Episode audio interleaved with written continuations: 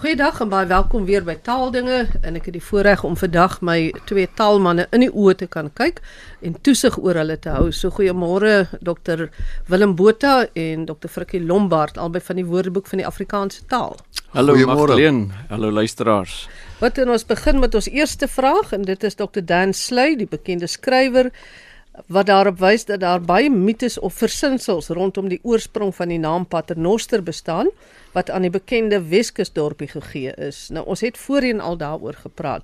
Willem, wil jy vir ons in gesprek tree met Dr Dan Sley en die luisteraars? Ja, baie dankie aan Dr Sley vir sy bydrae. By 'n vorige uitsending het ons gesê dat Paternoster is waarskynlik die naam van daardie baadjie in die dorpie omdat daar 'n Portugese skip gestrand het en die matrose kon uitstap en hulle was so dankbaar dat hulle veilig die land bereik het dat hulle die Pater Noster, die onsse Vader, hardop gebid het en toe het dit ook die naam geword van die plek. Maar Dr. Sley sê nee, dit is baie onwaarskynlik want om te begin is daar geen bewys van 'n Portugese skrip wat daar gestrand het nie. En nou moet ons net onthou dat Pater Noster het ten minste twee betekenisse. Die eerste een is die onsse Vader, Pater, Vader, Noster ons, onsse Vader. Maar tweedens is dit ook die naam vir 'n aantal bidkrale of 'n gebedesnoer. Dit werk so die gebedesnoer het klomp krale in en as jy elke 10de een is 'n groot kraal en as jy daar kom moet jy die Pater Noster of 'n soortgelyke ge gebed bid. So nou noem hulle die gebedesnoer noem hulle nou die Pater Noster. Nou, hoekom is Pater Noster Pater Noster? Dan Slay sê dat in die onmiddellike omgewing van Pater Noster het 'n Gama in 1497 name gegee van Katolieke kerk oorsprong so Sint Helena Baai en Sint Martinus Punt wat almal net so in die Verenigde Oos-Indiese Kompanjie se dokumente opgeneem is. En die eerste verwysing na Pater Noster as pleknaam wat hy in die VOC dokumente kon kry, kom uit 1732. Daar word gepraat van de Pater Nosters En dit is 'n ry ronde bruin klippe in die see 'n end weg van die kus af.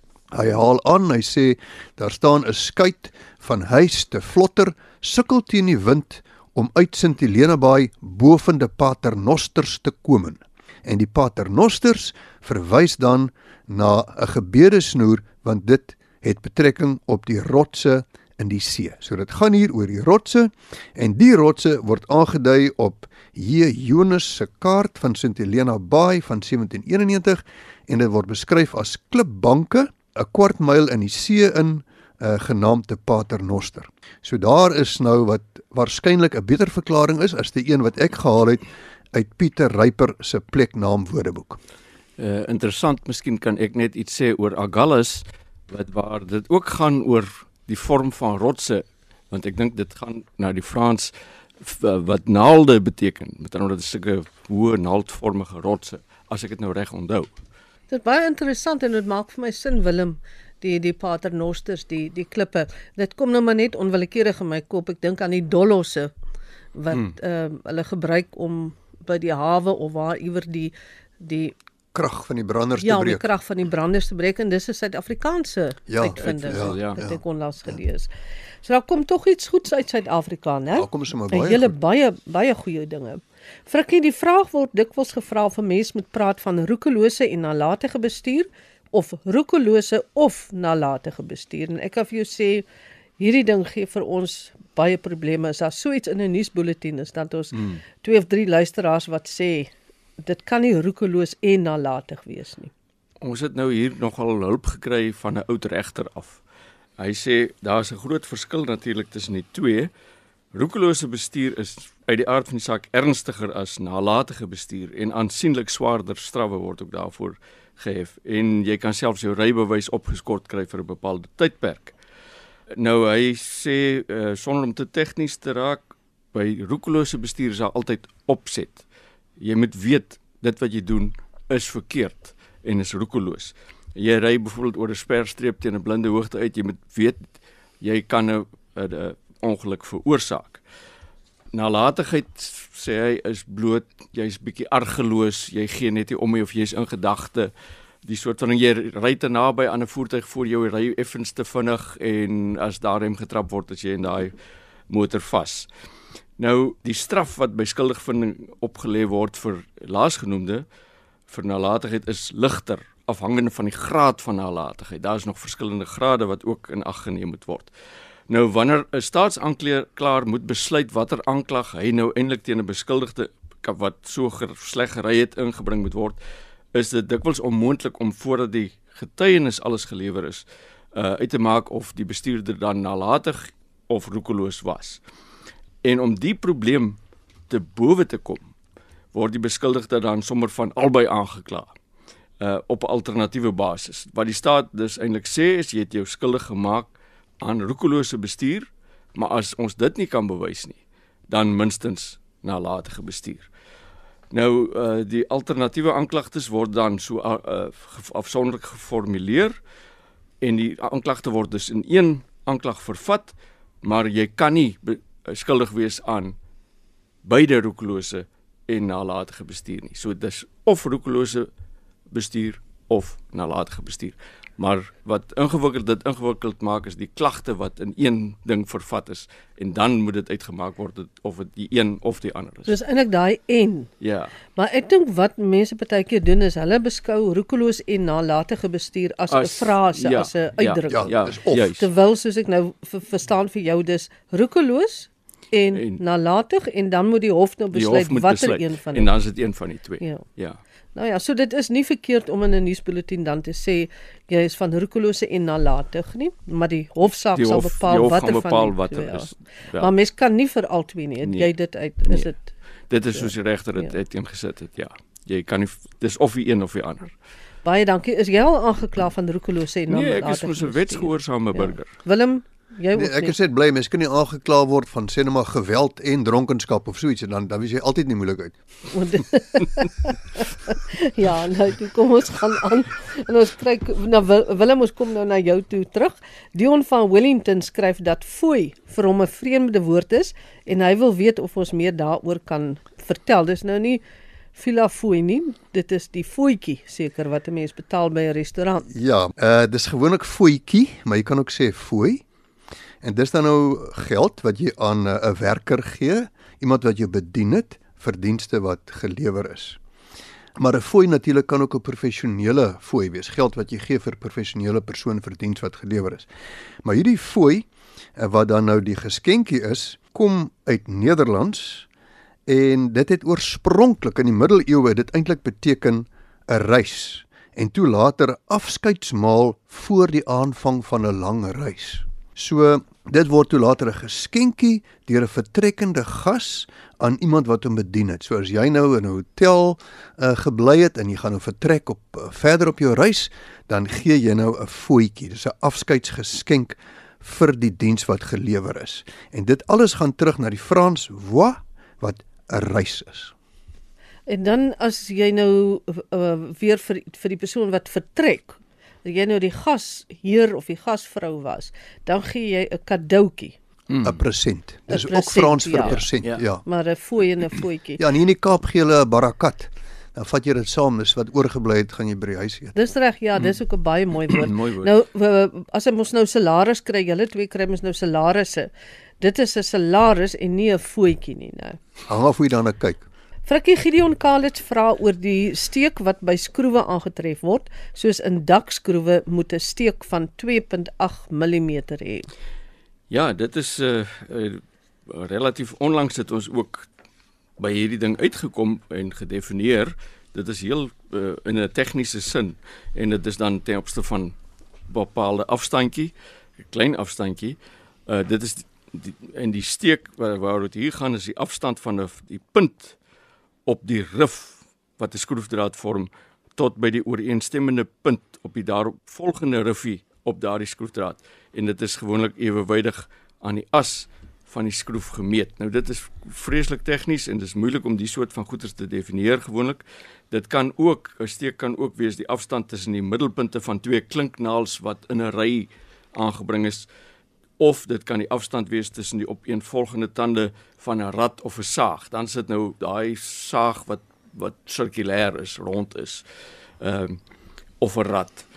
Uh, so dit is daai klein klein afstandjies vanaf die middelpunt van een ding na die middelpunt van 'n daaropvolgende een.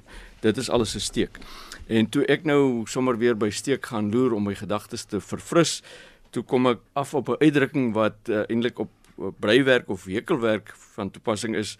Uh wanneer iemand sê dit is 10 steke op 'n L, beteken dit dit is verknoeide of slordige werk en ek gedink dit is nogal fraai. Ons ons moet weer hierdie ou uitdrukkings 'n bietjie afstof en en laat leef. Ja, daar's baie sulke maar ek wonder of die mense op skool nog die uitdrukkings, gesegdes en ook net gewone uitdruk idiomatiese uitdrukkings. Ek twyfel amper. Nie eintlik nie, nie eintlik die argumente is dit tel 3 punte in eksamen so hoekom moet ons ure dan spandeer? Ja. Ek gebruik die woord of die uitdrukking kreti en pleti nogal baie mm. en ek is verstom oor hoe min mense eintlik dit ken ja. en, en weet ja. waarvan hulle Maar jy het dit op skool geleer nie, waar nie? Jy het dit by die huis die, geleer nie. Daai lyste ja. wat jy moet ja. ja. geleer het en so en dit is lekker om so 'n bietjie idiomaties te kan praat. Absoluut. En nie net altyd die gewone reguit woord nie. Willem Marnus vra nou wat is korrek? Is dit geyser of is dit warmwater toestel? Marnus, ek kan net sê dat die WAT reeds in 1957 die woord geyser opgeneem het vir 'n warmwatersilinder en die woord warmwatersilinder en warmwatertoestel is nie eers genoem nie. So reeds vanaf 1957 is daar erkenning gegee aan geyser in Afrikaans, gespel G E I S E R. In Engels spel jy dit G E Y S E R. Maar geyser het twee betekenisse. Eerstens is dit 'n warmwaterbron en dit is 'n woord uit IJslands en dit word met 'n hoofletter gespel G E Y S I R want dit is die naam van 'n baie spesifieke warmwaterbron in IJsland. Dit is 'n spesifieke warmwaterbron en dit beteken spuiter. En hierdie geyser is op sy beurt afgelei van die werkwoord geysa in IJslands wat beteken spuit. So 'n geyser is eintlik dan eerstens 'n warmwaterbron en dit beteken spuiter. Maar tweedens is dit dan nou ook die warmwatertoestel wat jou huis se water vir jou warm maak na aanleiding van die warmwaterbron. Geyser laat dink my nou aan die gesprek die afgelope tyd oor gender mm. en gender. Met vroeër jare sou ons nie geyser kon sê nie, jy moes warmwatersilinder mm. um, geskryf het en gepraat het, nou is dit geyser.